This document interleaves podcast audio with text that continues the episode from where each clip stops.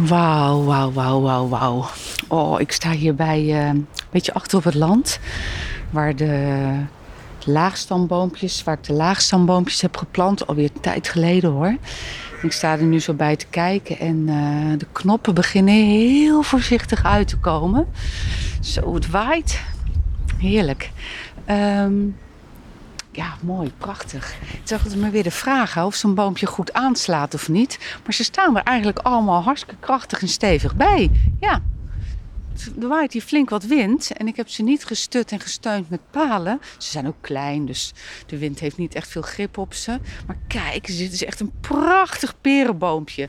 Perenbomen hebben altijd een soort hele ja, eigenlijk de vorm van een peer. Zo, die komen zo aan de onderkant wat breed, komen die takken naar buiten. En dan komen ze zo langzaam aan de bovenkant spits bij elkaar.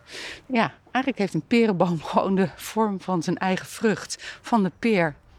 Oeh, zo. Hier is echt een stuk tak afgebroken. Jeetje. Oh, die moeten we daar wel even weghalen. Als het...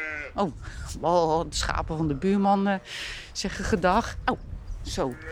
Oh, zo. Oh, braam, stuk bramenstuik in mijn broek. Ah, ah.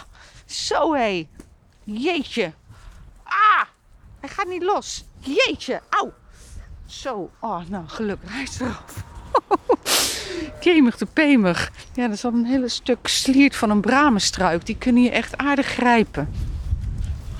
Zo zat ik pas ook vast in een uh, wilde roos. Zo.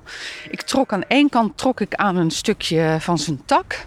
En toen zwiepte aan de andere kant een hele stengel los, die ergens achter een boom vast zat. En die greep zich zo in mijn haar en in mijn sjaal. Nou, toen kwam ik echt niet alleen meer los.